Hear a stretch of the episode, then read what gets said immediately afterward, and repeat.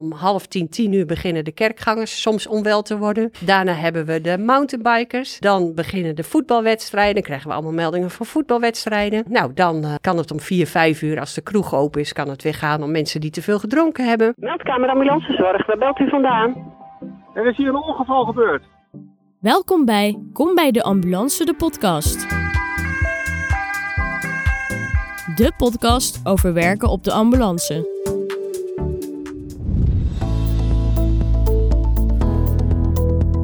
Welkom bij Kom bij de Ambulance, de podcast. Leuk dat jullie weer luisteren. Mijn naam is Fleur en tegenover mij zit Ada, verpleegkundig centralist op de meldkamer in Apeldoorn. Ada, zoals je ziet liggen hier op tafel een hele stapel uh, kaarten met vragen. Aan jou de vraag om zo meteen een kaart te pakken en uh, de vraag te beantwoorden. En over een half uur gaat uh, de sirene af. En dat betekent dat het einde van de podcast bijna daar is. Um, dus laten we snel beginnen. Pak maar een, een kaart. Ik zie hier als vraag heb je ook wel eens een bekende Nederlander geholpen? Um, ja, ik heb wel eens een bekende Nederlander geholpen. Hoe spannend. En um, er was. Um, die belde en die, had een, uh, die was bij een ongeval. En toen, ik bedacht me eigenlijk niet. En toen zei ik, ben jij de Ja, zei hij, ik ben de dat was heel. Ja, ik heb het gewoon maar gevraagd. Dus, uh... Maar ben je dan ook een beetje een soort van, nou ja, van je apropos, zeg maar? Als je dat dan merkt dat het een bekende Nederlander is, dat je denkt, uh, wat ja, moet ik doen? Nou, ik vond het achteraf heel raar dat ik het aan hem vroeg. Want was, ja, waarom vraag je dat? Maar uh, ja, ik was inderdaad een beetje afgeleid, denk ik, toch? Ja. ja. En heb je ook wel eens, um, het is een bekende Nederlander, maar ook wel eens een persoonlijk bekende? Uh, ja, Um, dat was, uh, daarvan heb ik heel erg geleerd. Want ik heb iemand, uh, ik had iemand aan de telefoon en ik hoorde wie het was. En die vertelde dat het om een reanimatie ging van zijn moeder. En toen zei ik, maar ik ben het, Ada. En toen was hij heel blij dat hij me hoorde. En ik heb dat ook heel goed kunnen doen. Achteraf dacht ik, de volgende keer zeg ik niet wie ik ben, want ze horen het vaak toch niet. Of ik vraag toch een collega om het over te nemen. Dat is toch, dat voelt beter. Want waarom? Ja, nou, in dit geval was de, deze jongen was heel blij dat hij mij hoorde. Maar ja, het geeft toch iets, ja, ik weet niet, er komt, komt toch lading bij. Dus dat, uh, ja, dat is toch lastiger. En heb je daar dan ook later dan nog last van? Dus zeg maar de rest van de dag, als dan de melding, nou ja, als je ophangt, dat je daar nog met je gedachten bij ja, zit? dat ook, omdat je iemand kent. En, en in dit geval liep dat ook niet, niet goed af. Dus dan ben je daar inderdaad wel mee bezig. En zo, uh, eigenlijk heb ik heel veel familie in ons verzorgingsgebied wonen. Dus ik denk ook wel eens van, oh, stel dat er nou echt iets ernstigs is en het is iemand die ik goed ken. Ja, dus dat, dat ben ik ook wel een beetje huiverig voor. Maar ik ga niet meer zeggen met Ada en ik ga gewoon aan een ander geven. Want je neemt ook niet standaard uh, een melding zeg maar aan met meldkamer Apeldoorn met nee, ADA? Nee, dat doe ik niet. Nee, nee. Er zijn wel, wel collega's die wel hun naam zeggen, maar uh, ik, ik doe dat niet. Ik zeg gewoon goedemiddag, goedemorgen, meldkamer, ambulancezorg, maar ik, ik zeg mijn naam niet. Nee. En dat is dus onder andere om die reden? Ja, ja, ik, dat is toch een beetje een bescherming van mezelf, denk ik. Ja. ja. ja en dus, wat uh, is nou, verder um, de vragen, zeg maar, die je, die je stelt. Dus als je opneemt, nou, dus goedemiddag. Ja? Niet met Ada. Nee, um, nee, nee, ligt er natuurlijk aan welke telefoonlijn je oppakt. Hè. We, we, hebben natuurlijk heel veel verschillende lijnen. Of het een huisartsenlijn is, of een uh, 112-lijn, of nog andere lijnen. Maar als het de 112-lijn is, dan vraag ik eigenlijk altijd als eerste waar iemand vandaan belt. En, sommige mensen willen al hun verhaal vertellen. Maar als je zo snel mogelijk de hulp onderweg wil sturen, al voordat je weet uh, of er iets is, hè, dat noemen wij een directe inzet ambulance, zonder dat wij weten wat er is. Als je het adres hebt, gaat de ambulance al rijden. Het kan best zo zijn dat na twee minuten blijkt dat er helemaal niks, niets ernstigs is en dat er geen ambulance nodig is, dan gaat de ambulance ook weer terug. Maar daarom vragen we altijd eerst naar het adres. En dat wil je ook echt gewoon zeker weten. En wat als iemand niet zeker weet waar die vandaan belt? Maar dat gebeurt natuurlijk best, best wel vaak. Mensen die aan het fietsen zijn of op vakantie zijn. Dus die mensen weten echt niet altijd waar ze zich bevinden. Nou, dan probeer je een beetje te oriënteren waar ze vandaag gefietst zijn, waar ze naartoe gefietst, waar ze naartoe aan het fietsen zijn. En dan soms helpt het als je zelf in die omgeving een beetje bekend bent. En gelukkig hebben we tegenwoordig ook hulpmiddelen op de meldkamer. We kunnen zien waar iemand vandaan belt en daar kunnen we op pinnen noemen we dat, zodat je eigenlijk al heel duidelijk krijgt waar het is. Soms is het alleen de omgeving van de mast, maar soms ook echt dat je ziet daar is echt daadwerkelijk die persoon. Ja, dus dat is, die hulpmiddelen zijn wel heel erg dat wordt steeds beter. En uh, vroeger hadden we dat natuurlijk helemaal niet. Maar dat wordt eigenlijk steeds beter. Want hoe ging dat vroeger dan? Ja, dan moest je Op- op echt goed gewoon geluk. Ja, of, of als je iemand, collega had die daar wel bekend was, dan vroeg je wel eens van, eh, staat daar daadwerkelijk een molen? Of weet jij daar de weg? Of ja, want ja, mensen weten niet waar ze zijn, maar ze zijn vaak ook in paniek. Ja, je belt niet iedere dag 112, dus wat Nee. dat betreft, eh, Ja. En was vroeger dan ook nog het belangrijker dat je echt regiokennis had voordat je Ja. aan dit beroep zeg maar, kon Ja. beginnen? ja. En de regio's waren natuurlijk veel kleiner, dus dat was ook veel makkelijker. Hè, de, de- toen ik in Apeldoorn kwam, eh, toen was het al vrij groot. Daarvoor was het alleen Harderwijk en de gemeente Harderwijk. Dus ja, daar woonde je meestal en daar kende je eigenlijk ook heel veel. Ja. Ja. Maar ook meteen weer met het risico dat je dus ook bekenden tegenkomt. Om daar weer terug te komen. Ja. Want waarom heb jij de, de stap gemaakt naar meldkamercentralist? Ehm, bij mij is het via een collega gekomen eigenlijk. Eh, ik werkte hiervoor eh, in de psychiatrie, dus dat is eigenlijk heel wat anders. En ehm, ik wilde ook wel graag wat anders. En toen ben ik, hoorde ik via een vriend van mij, die dan nu ook een collega is, wat hij deed. En eh, dat sprak me enorm aan. En toen zei hij, nou dan ga je maar een keer met me mee. Dus toen heb ik dat gedaan. Ik middag eh, meegeweest naar Apeldoorn. En toen vond ik het zo leuk dat ik gesolliciteerd heb. En dat is 21 jaar geleden. Oh ja, ja. Maar en weet je nog wat je toen dacht? Wat was jouw beeld van het vak? En toen je daar die dag meeliep, wat bleek toen, zeg maar, hoe bleek het echt te zijn? Nou ja, het is wat ik zeg, dus best al wel een poosje geleden. Dus ehm, ja, wat, ik, wat me enorm aansprak, ik vond het echt wel heel spannend en heel, ehm, ja, ik, ik vond het echt wel wat dat je dat je, je daarmee, eh, ja, mensen die 1 en 2 bellen, dat je die kunt helpen. Dus ja, dat vond ik wel heel spannend, maar ook heel leuk. Ja, Als eerste gewoon Ja. iemand te woord kunnen staan, Ja. als eerste hulp bieden. Ja. ja, dat is bijzonder. Dus, en ik vind het nog steeds wel jammer dat heel veel mensen niet goed weten wat wij doen. Heel veel mensen denken toch echt dat we ja, telefonistes of tele, ja, telefonistes zijn. Dus dat is toch wel heel jammer. Want hoe zou jij het omschrijven? Of hoe ziet de Ehm, dag eruit? Nou ja, ik denk, eh, hoe ik het zou omschrijven is misschien ehm, ja, een spin in het web is denk ik toch wel, eh, ze zeggen dat vaak, maar dat, dat is gewoon zo. Je gaat de hele dag is, ehm, of je neemt de telefoon aan, dus de 112's en de andere meldingen die binnenkomen, of je doet de uitgifte. En dat is ook een gedeelte wat vaak onderbelicht blijft, want dat is best een hele uitdaging met heel veel auto's op de weg. De hele logistiek, dat je altijd in je regio binnen 15 minuten hulp moet kunnen leveren. Dat dat altijd, dat je daar een hele puzzel voor maakt die de hele dag weer overhoop gaat en de hele dag weer opnieuw gelegd moet worden. Dat is een heel mooi stukje van je werk, maar dat weten maar heel weinig mensen. En je doet dat altijd allebei? Of kan je er ook voor kiezen om alleen aannames te doen? Zeg?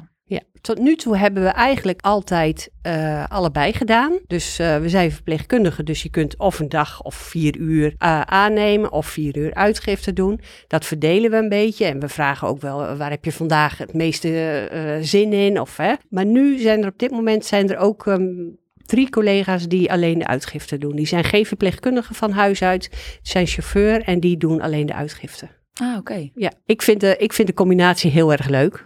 Hè.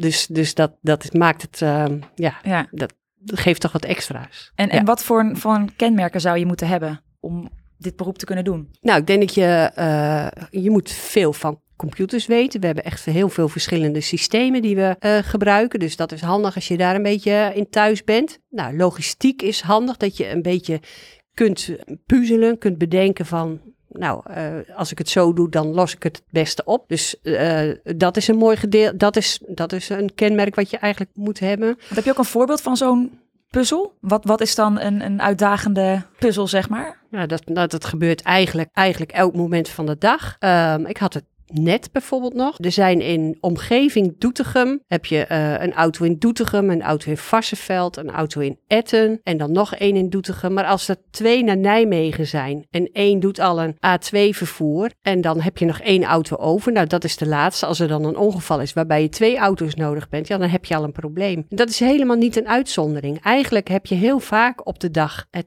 het zo, zo, zo weinig capaciteit dat je een andere auto, bijvoorbeeld van Winterswijk, al naar Doetinchem of naar Varsenveld toe haalt. Om maar binnen 15 minuten altijd eh, een auto te plaatsen te hebben in je hele regio. Ja, dus dat is dan wat je doet. Je haalt gewoon een auto uit een andere... Ja.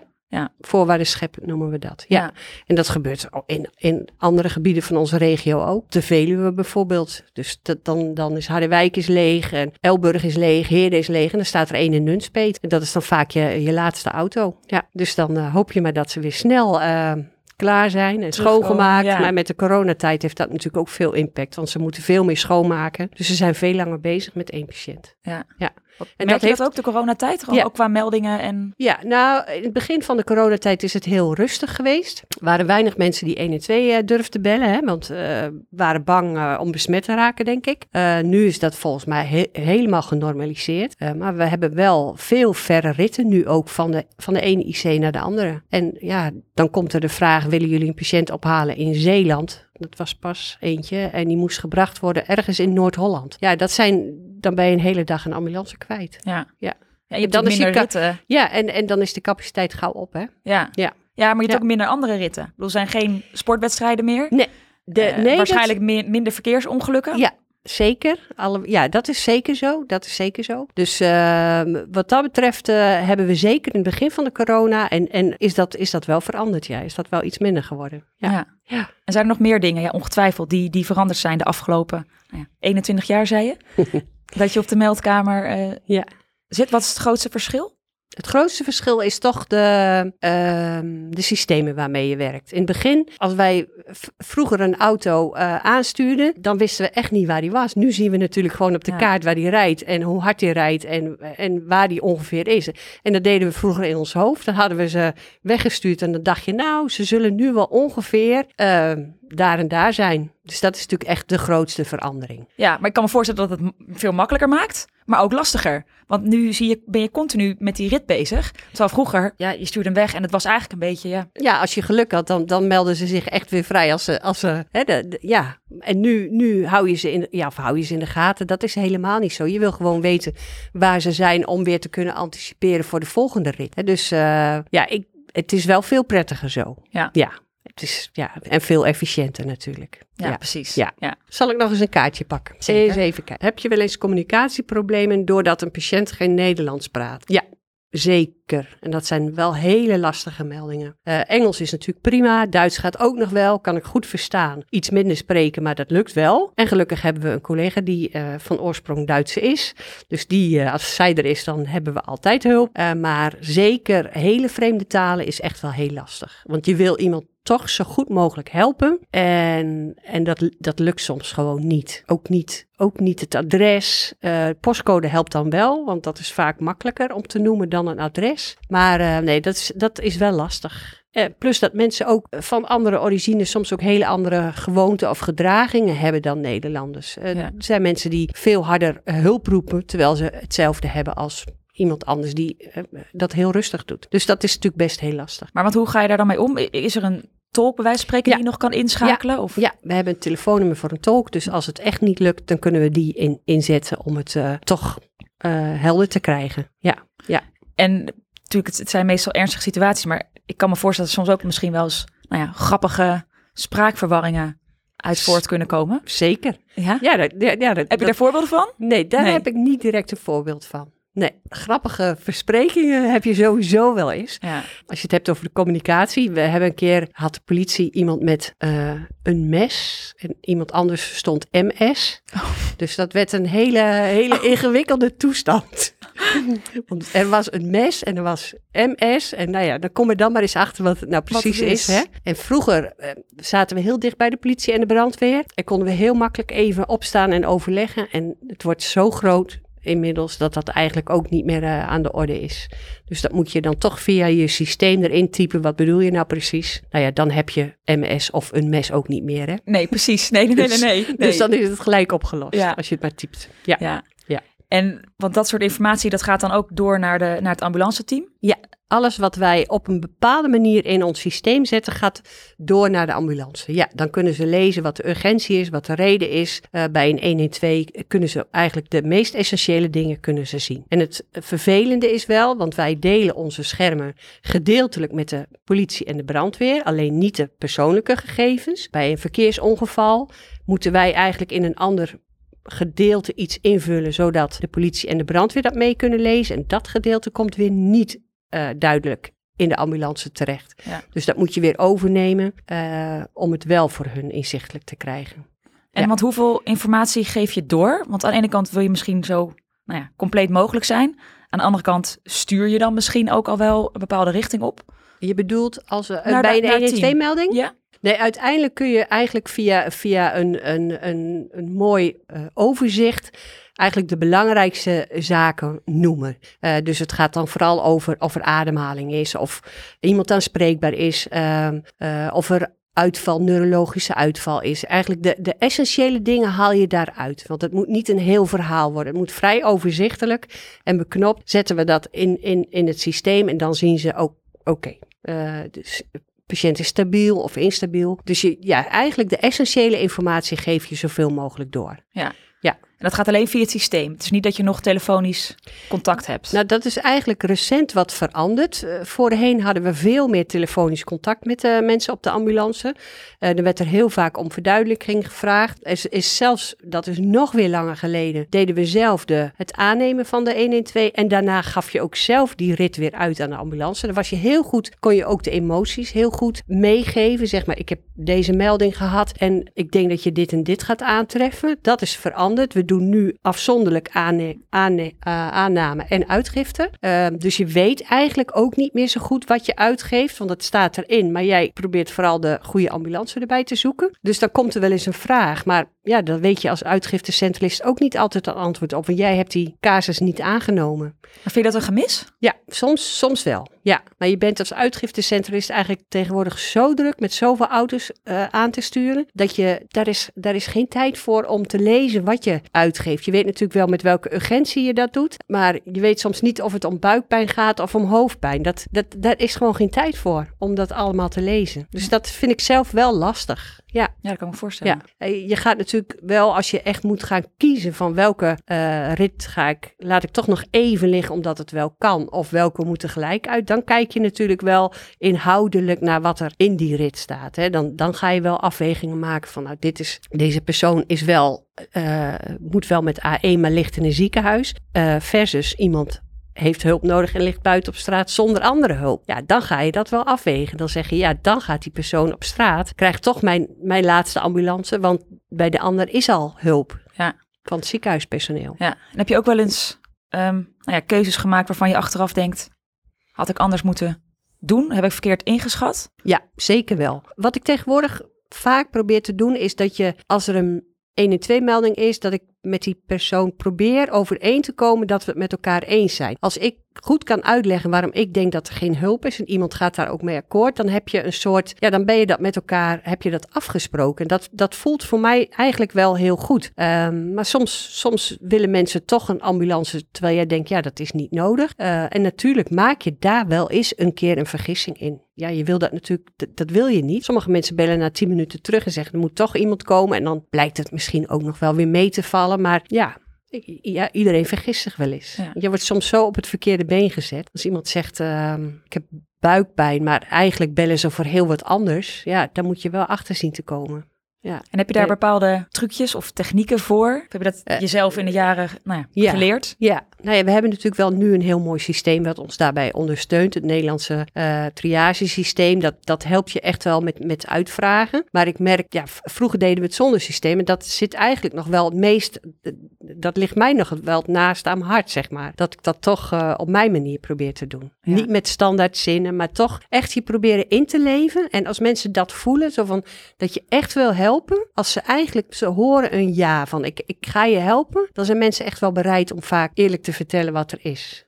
Dat, ja. Maar de- je kan elke dag opnieuw denken, ik, zo ga ik erin. Ik pak de telefoon, ik ben blanco, ik ga u helpen. Ehm, hè, dat wil je. Maar soms is het aan, de eind, aan het einde van een dienst ben je zo moe van alles wat je die dag hebt meegekregen. Dat, ja, daar ontgaat je natuurlijk wel eens iets dan. Ja. Hè? En dat is jammer. En dat, dat kan je achteraf. Ben ik wel eens boos geworden op iemand. En toen zei ik later van, eh, nou ja, sorry hoor dat ik zo boos op u werd. Nee, zegt hij, ik snap het ook wel. Het hielp ook wel een beetje. Ja, ja. Hoort erbij, ja. ja hoort erbij. Ja. Ja. ja. je wil dat natuurlijk liever niet. Je wil altijd perfect het doen, maar dat, dat lukt natuurlijk niet. Nee. Pak nog maar een kaartje. Ja, ehm, wat doe je als, als er een van de systemen uitvalt? Nou, ehm, nou gelukkig hebben we eh, een buddy-meldkamer. En van ons is de buddymeldkamer uh, Noord-Holland, of Noord-Holland moet je mij horen, Noord, uh, in het noorden, in Drachten zit hij. Bijna hetzelfde. Bijna hetzelfde. en um, dus als, als onze systemen zodanig uitvallen dat wij niet meer goed kunnen helpen, dan gaat Noord-Nederland, dan gaan wij verhuizen naar Noord-Nederland en gaan we vanaf daar, vanuit de meldkamer daar, de meldingen aannemen. Dus dat kan dan overgezet worden. Dus jullie gaan fysiek naar het noorden toe. Ja, ze kunnen natuurlijk in de tussentijd ook onze meldingen gewoon aannemen. En dat gebeurt nu ook al wel als het heel druk is, bijvoorbeeld in Friesland. En hun nemen de 112 niet aan, komt hij bij ons als overloop. En uh, als er dus ernstige problemen zijn met systemen, dan kunnen we ook gelukkig uh, daar terecht. En is dat wel eens gebeurd? Ja, dat is ook wel eens gebeurd. Ja. Dus uh, zijn er een aantal van ons uh, zijn richting uh, het noorden gegaan en hebben vanuit daar meldingen aangenomen voor hier. Ja, en dat kan natuurlijk eigenlijk prima. En dat is ook heel goed dat dat, dat achtervangsysteem er is. Ja, het mooie systeem. Ja. ja. Zal ik er nog eens een pakken? Ja. Ja. Uh, ja, wat is er zo mooi aan dit vak? Promopraatje. Promo. ja, wat is er zo mooi aan dit vak? Nou, het is heel afwisselend. Dat vind ik sowieso leuk. Wat ik net al zei. Of je doet de aanname, 112 of andere lijnen. Of je doet de uitgifte. Hoe zit het precies met die andere lijnen? Huisartsen die ons nodig zijn. Die een patiënt willen insturen. Ziekenhuizen die patiënten willen ontslaan. Ja, die bellen dan een ander nummer. En die komen op een andere precies, manier bij jullie binnen. Precies, ja. ja. Die, die komen natuurlijk allemaal binnen, maar dat zien we wel. We zien of het een 1 en 2 is, we zien of het een huisarts is, we zien of het een ziekenhuis is en ook nog of het urgent is of niet. Dus aan de hand daarvan kan je ook, zeg maar, sommige telefoontjes als het heel druk is even negeren, als je altijd maar de 1 en 2 oppakt. Ja. Dus daarom willen we ook eigenlijk niet dat een huisarts, die zegt wel eens, ik ben hier nu bij iemand en die belt dan 1 en 2. Want hij zegt, ja, ik heb even jullie nummer niet paraat. Dan denk je, oh, wat geeft dat? Maar voor hetzelfde geld pak ik pak ik die 112, uh, ben ik bezet en kan ik de echte 112 niet meer oppakken. Die huisarts moet gewoon zijn nummer wat hij heeft met voorspoed, moet hij ons bellen. Want dan zie ik dat het een huisarts is. Daar is al hulp. Dus dat is voor ons dan toch, die 112 gaat voor. Ja. Dus de huisarts kan wel eens, ja, wat geeft dat nou? Ik ben het vergeten. Ja, dat geeft op Geeft zich wel. ook niet, maar het geeft wel. Ja, je ja, moet, precies. Dus de, uh, de afwisseling vind ik echt mooi. Um, ja, het is natuurlijk hectisch en um, ook dat is, het is afwisselend. Dus de, ook dat vind ik leuk. En hoe is het Ja. contact met collega's? Want je, het is natuurlijk wel, ambulance is een team. Die is met chauffeur en verpleegkundige. Ja. Als centralist zit je natuurlijk veelal alleen nou, met je headset op. Ja, ja, dat klopt. Overdag zitten wij dan met ze- zeven mensen nu. S'avonds met vier en s'nachts met drie. Nou, s'nachts heb je wel de gelegenheid om met elkaar gezellig uh, wat uh, te vertellen. Maar overdag is het... Ja, je vraagt natuurlijk wel eens aan een collega... Hoe, is, hoe gaat het nou met je kind? Of hoe gaat het met je hond? Of hoe gaat het... Nou ja, noem maar op. Gezellig. Maar altijd is die telefoon er die je weer uh, een gesprek verstoort. En gek is dat, met tien minuten later... Ja, dan begin je daar eigenlijk toch ook niet, niet meer over. Nee. Nee. Dus dat is wel... ehm, ja, je bent wel een team, maar je bent ook, ook solistisch bezig. Ja, dat, dat is zo. Ja. Ja. ja. En je, je had het net over die verschillende diensten. Heb jij een voorkeur voor dag of nacht? Ehm, Dienst? Nou, dat is, eh, dat is ook wel zo dat naarmate je, je, je, je thuissituatie soms verandert, dat, dat ook een voorkeur verandert. Hè? Dus ik heb nu liefst een tussendienst. En Ja. dat heb ik vandaag ook. Dus dan begin ik om, eh, om half negen tot half vijf of om tien tot zes. En voorheen had ik liever een dagdienst van zeven tot, zeven tot drie. Dus dat is heel eh, wisselend, ja. Ja, er zijn ook collega's die heel graag later diensten draaien. Ook afwisseling. Gelukkig hebben we een eh, wensenrooster waarin iedereen eh, wel kan aanvragen wat hij graag wil draaien. En als dat gewoon klopt, dan is het goed. En als het niet klopt, dan wordt het nog een beetje bijgeschaafd. Maar ik kan me wel voorzien, in de nacht krijg je natuurlijk weer heel veel andere soort meldingen Ja. dan overdag. Ja. Zeker. Het kan ook interessant zijn. Ja, Ja. zeker. Ja, veel eh, eh, overlast natuurlijk als mensen uitgaan, veel drank eh, met jonge, jonge mensen. Maar je hebt soms dagen, je hebt soms dagen die je bijna uit kunt tekenen. Een, een, zondag bijvoorbeeld, nou, dat begint vaak rustig. Het ligt een beetje aan het weer, maar het begint vaak rustig. Dan om half tien, tien uur beginnen de kerkgangers soms onwel te worden. Daarna hebben we de mountainbikers. Dan beginnen de voetbalwedstrijden. Dan krijgen we allemaal meldingen van voetbalwedstrijden. Nou, dan eh, kan het om vier, vijf uur, als de kroeg open is, kan het weer gaan om mensen die te veel gedronken hebben. En zo heb je soms van die patronen op een dag. Ja. Maar dat lijkt me Ja. wel lastig, mensen die gedronken hebben. Dat Ja. lijkt me de meest lastige, want daar valt natuurlijk moeilijker een gesprek mee te Ja. voeren. Nou, meestal bellen ze zelf niet. Hè? Dus het is Ah. meestal iemand anders die voor ze belt. En, eh, maar dat is wel lastig, want ja, zeggen ze de waarheid over wat ze gedronken hebben. Eh, dus je moet toch afgaan op wat je aan, aan, uh, aan reactie hoort. Als iemand nog aanspreekbaar is, dan ben je al heel blij, zeg maar. Ja. Als iemand echt buiten bewustzijn is, ja, dan, dan zul je gewoon moeten helpen. Ja. Ja. Wat is de, de meest nou ja, gekke melding, melder misschien, Ja? die je ooit hebt gehad? Is, is er iets waarvan jij denkt, nou, daar heb ik het nog steeds over. Op een verjaardag vertel ik stevast dat verhaal. Nou, eh, ja, maar het gekke is dat het eigenlijk geen melding was. Maar ehm, ik werkte op eh Koninginnedag eh, toen hier de aanslag in Apeldoorn was. En ehm, daar hebben we geen enkele 112-melding van binnen gehad. We zaten zelf televisie te kijken, want het was natuurlijk hier helemaal opgetuigd. En we zaten zelf ook en we waren in best in feestelijke stemming. En er liepen veel bobo's en het was, nou, het was echt wel, wij, ja, Apeldoorn mocht dat doen. Dus we waren daar echt wel, vonden we ontzettend leuk. En dan zaten we, we zaten naar de televisie te kijken en we zien daar die auto eh, tegen die paal aanrijden. En ik had net een melding gehad van een reanimatie. Dat bleek achteraf daar te zijn, maar dat, dat was zo onduidelijk. Maar, maar verder hebben we daar geen één melding meer van gehad. Dus ja, ik denk dat iedereen dacht, want er was natuurlijk een ambulance te plaatsen voor de konink- koninklijke familie. Dus ik dacht, denk dat iedereen misschien gedacht heeft, "Ah, dat- die hulp is er al wel. Er was natuurlijk, er waren veel politiemensen op de been. En eh, ja, dus dat, ja, dat was heel bijzonder. Het was Ja. een hele gekke dag. Ja. Het is ook een van de weinige keren dat ik ehm, thuis kwam en, en heel erg gehuild heb. Zo van, ja, nou, dit, dit was zo, zo bizar. Ja. En word je dan ook op werk nog opgevangen? Of wordt daar dan nog over gesproken? Nou, die dag was dat wel, een- wel lastiger, want ja, iedereen was zo in de war. Hè? Dus we hebben best wel even nagepraat natuurlijk met, met een aantal. Eh, maar later hebben we het daar natuurlijk vaak en veel wel over gehad. Ja, en uiteindelijk ben ik ook met, met die collega, met, eh, met, met twee, zelfs naar die ehm, bijeenkomst geweest die er later geweest is hier. Ja. Mochten we ook naartoe. En eh, dus dat was wel mooi. Ja. En is het ook een soort keerpunt of keerpunt, maar dat je denkt, oh ja, dat soort dingen kunnen dus ook gebeuren. Dat je daar Ja. iets angstiger voor bent? Ja, Als je een melding hoort of... Ja, ik, ik denk, ja, iedereen denkt wanneer pak ik de telefoon op en is er een trein ontspoord? Of wanneer is er een terroristische aanslag? Of, hè, da- daar ben je natuurlijk best wel ja, bang voor. Ja, ja, ja dat, dat lijkt me wel, eh, ja, daar ben ik wel bang voor. Ja, dat lijkt me vreselijk als je, als je echt een heel groot eh, ongeval hebt. Want word je Ja. daar ook op voorbereid? Zijn daar, daar trainingen voor? Ja. Of, Ja. afgelopen week hebben we toevallig nog een eh, training gehad, ook daarover. Maar dat zijn natuurlijk wel, dat is heel belangrijk dat je dat traint, omdat je dat natuurlijk eigenlijk heel weinig meemaakt. Maar die hele opschaling, Oh, ik schrok ervan. ja, dat betekent bijna het einde van Ja. deze podcast. Maar maak je verhaal nog even, nog even af. Ja. Nu zijn we die, die, nieuwsgierig. hele, die hele opschaling van eh, hoe dat gaat als er echt iets groots is, ja, dat moet je gewoon echt oefenen. En, eh, want dat gebeurt zo weinig in de praktijk dat je dat echt gewoon theoretisch moet oefenen. Ja. En, en met casussen. Precies. Ja. Voor het geval dat, dan ben je goed voorbereid. Precies. Ja. Ja. Nou, het ging heel snel. Dankjewel, Ada, Ja, voor, je, gedaan, voor je verhaal. En eh, nou ja, ook onze luisteraars bedankt voor het luisteren. Ehm, nou ja, en als je zelf als luisteraar nog een vraag hebt, dan kan je ze in de comments onder deze podcast plaatsen. Bedankt voor het luisteren naar Kom bij de Ambulance, de podcast. Ben je enthousiast? Of wil je meer weten over het ambulancevak? Kijk dan op kombijdeambulance.nl